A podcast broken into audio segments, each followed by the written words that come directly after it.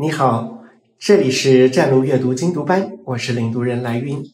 今天我想邀请一位我的朋友 Nick 老师，跟你一起分享他在项目制教学中的一些实践。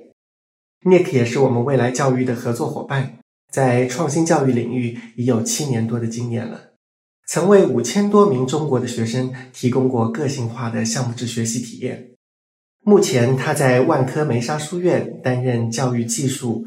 EdTech 副总监的职位，在疫情期间，他负责线下教学转线上的过渡，为教师举办了许多有关使用各种教育技术软件的职业培训，并帮助提高了学校的整体技术利用率。他希望能影响下一代教育者，让他们能寻求一种有意义的方法来教授学生实用的 PBL 课程，同时使用技术来改善他们的教学。他今天分享的内容主要是智能时代的各种前沿技术在项目制学习中的作用。尼克老师是加拿大人，汉语目前说的还不是特别流利，所以我将他分享的内容做了一些整理和优化，在这里帮他做一个转述，希望可以帮你更好的理解他想要表达的观点。另外，尼克老师的英文分享内容我放在了下一讲中。听过中文的分享后，你也可以继续听一下英文原版的内容。接下来，我们进入正题，我将为你转述 Nick 老师的分享内容。你好，我叫 Nick，我的朋友们都叫我尼克老师。今天我想要和你探讨的话题是智能时代的各种前沿技术在项目制学习中的作用。先简单介绍一下我自己吧。我是新加坡裔加拿大人，现在住在深圳。我已经在教育领域工作了很多年，工作内容包括参与教学、培训和制定教育计划等等。我个人一直在寻找重新思考教育的新方法，也一直在思考如何更好的教育他人、教育自己的方法。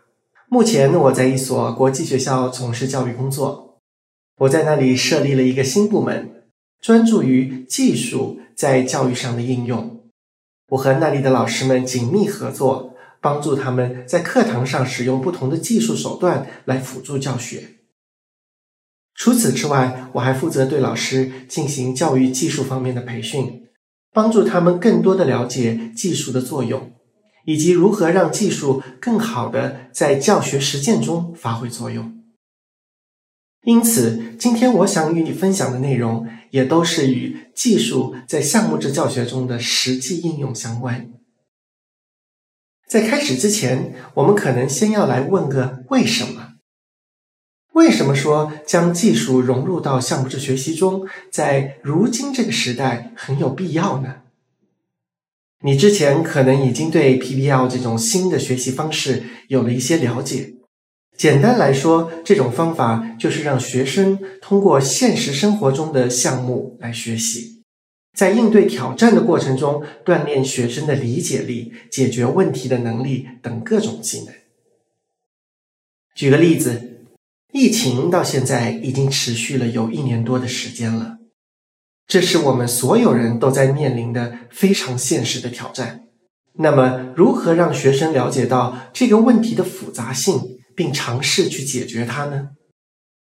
我认为，任何项目在设计前都需要对它的复杂性有更深入的了解，并且前期需要做大量的调研，积累足够的信息。而这些信息，学生仅仅通过老师来获得是不够的。这个时候，互联网就发挥了优势。和在书本上学习知识的过程不同，当学习者利用互联网上的各种资源进行研究学习时，能被充分激发出好奇心，也能在辨析筛选各种信息的过程中进行更为严密的推理和思考，因为他们在互联网上能看到的和接触到的信息都是在现实世界中真实存在、正在发生的事情。这些信息会从许多不同的侧面来说明一件事情，有些观点更是会相互冲突和对立，充分体现出真实事件的复杂性。在线研究的过程中，学生们可以慢慢了解清楚这些信息，比如疫情是如何开始的，我们如何更好的向别人说明它的危害？怎么做可以预防感染？我们可以采取什么措施来防止病毒的扩散？等等。疫情期间，地球上最聪明的科学家们都在考虑这些问题。作为地球村中的一员，学生们当然也可以提出自己的解决方案，尽自己的一份力。比如设计一个游戏来帮助人们更多的了解卫生知识，建立起恰当的卫生习惯，或者是筹集资金来支持武汉人民获取更多的防护装备等。疫情期间是学生直面真实世界、解决实际问题的最佳时机。在这段时间里，我看到许多老师们发起了一些项目。帮助学生参与到健康、安全等这些真实世界的话题中。从前的学校教育里，这些内容基本不会被提到。经过老师的合理设计，学生在这些项目中进行团队合作和项目管理等各方面的能力都可以得到锻炼和提升。那么，老师该如何合理的设计好一个项目呢？可以用国际教育专家们设计的一套高质量项目制学习框架 （HQPBL） 来进行一下评估。这个框架指出，一个高质量的学习项目需要包含六大关键元素：一个是对学生来讲要有挑战，让他们在完成之后获得成就感；第二点是要具有真实性。是基于现实世界中的问题展开的项目。第三点是要让学生学会与他人的协作。第四点是要让他们学会对项目进行管理。第五点是他们自己的作品在完成后可以被公开的展示和讨论。最后，学生在完成作品后也要做复盘和反思。这个框架的目的是让学生在掌握学术内容的同时，培养面向未来世界所需要的各种技能。在所有这些过程中，都可以使用必要的技术工具作为辅助，帮助学生更好的收集信息、明确主题，通过语音系统在线写作、管理和跟踪项目进度，以及最终在云上创建公共项目等等。除了充分利用互联网上的各种资源和工具，另外一项可以使用技术来帮助完成项目的例子是充分发挥在线社区的作用。众所周知，社交媒体和其他基于社区的平台已成为学生和同学、老师进行互动和讨论的一种主要方式。为了建立积极的社区氛围。我认为我们必须重新考虑使用技术的方式，不要只用它来做在线存储文档、记录信息，还要学会有效的使用它来组织与学生互动和沟通。根据我的个人经验，这样的需求比较适合在一个集中式的平台上完成，比如现在流行的许多学习管理系统，你可能也听过像 Schoology。ManageBack、Firefly、校宝等等这样的平台，你所在的学校可能已经用这些平台来给学生布置作业、评分以及统计他们的出勤率。再更进一步，就可以开发出更多功能，创建出可以吸引学生学习和互相协作的好方法。比如，我们学校引入了 ManageBack 作为学习管理系统。它可以让学生更高效的利用学习资源，也能给他们布置需要通过互相协作才能顺利完成的课堂作业。当然，仅靠学习管理系统是不够的，还需要通过其他的平台向学生提供相关的信息，帮助他们进行项目计划和管理，最终成功设计项目，取得学习成果。项目设计的过程中，可以根据最后期待得到的结果来逆向推导设计流程。比如说，你希望人们提高意识，明确在疫情期间应该保持适当的社交距离。项目最后的成果可能是以一张数字信息图表或海报的形式进行展示的。那么倒推一下，这张海报上面需要包含哪些内容？你可以通过 SurveyMonkey 或者问卷网搜集人们对疫情期间保持社交距离的看法，还可以在网络上搜集有关的科学解释、建议。最终，所有收集到的信息都可以通过微软云、百度云、阿里云等进行存储。这个过程中还有许多技术手段可以进行使用。不过，最重要的一点是，老师在其中需要起到一些积极的作用，帮助学生更加高效的使用这些工具。今天我想说的最后一点也与老师相关。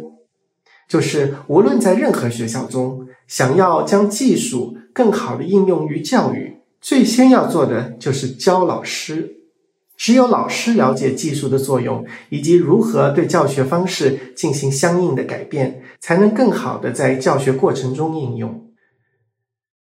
对于 PBL 学习来说，没有一项技术可以满足一个项目的所有需求，所以在实际的教学过程中。老师就需要扮演不同的身份，从研究人员、项目设计师、主持人和评估人员的角度出发，帮助学生实现他们想要的结果。所以，对于老师来说，全面的专业发展，成为一个终身学习者是很有必要的。我建议是要给老师们留出足够的时间和空间，不断进行学习。并且让他们在学习的过程中，能与一群同伴，最好是同一系的老师一起模拟教学的课程，这样可以更好的帮助他们实施项目，评估对学生的理解。这些模拟的教学过程可以在项目开始前的一周内完成。在这个过程中，老师可以为项目的不同阶段策划出具体的活动，并完成每个阶段设计的结果。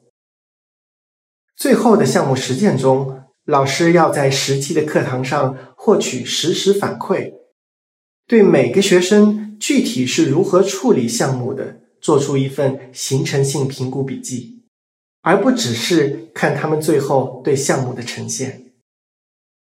这种对学生学习过程的形成性评估，通常可以通过形成性文章、测验以及与学生进行深入的一对一对话来完成。对此，更多的信息可以查阅这本书的第一章里有关教师也是学习者的章节。好了，今天我和你分享的内容就是这些。最后再来简单总结一下要点。我认为，在今天的学校教育，尤其是项目制学习中，一定要重视技术的作用。现在，互联网为学生打开了获取信息的闸门。也是他们获取知识、进行学习的重要场所。学生们花费越来越多的时间在网上与他们的同龄人和外界进行交流互动，所以作为教育者，在实际的教学过程中，我们需要充分考虑到这个因素，可以通过引入相关的主题来挑战他们对知识的好奇心。培养团队合作的实用技能、项目管理和设计解决方案的能力。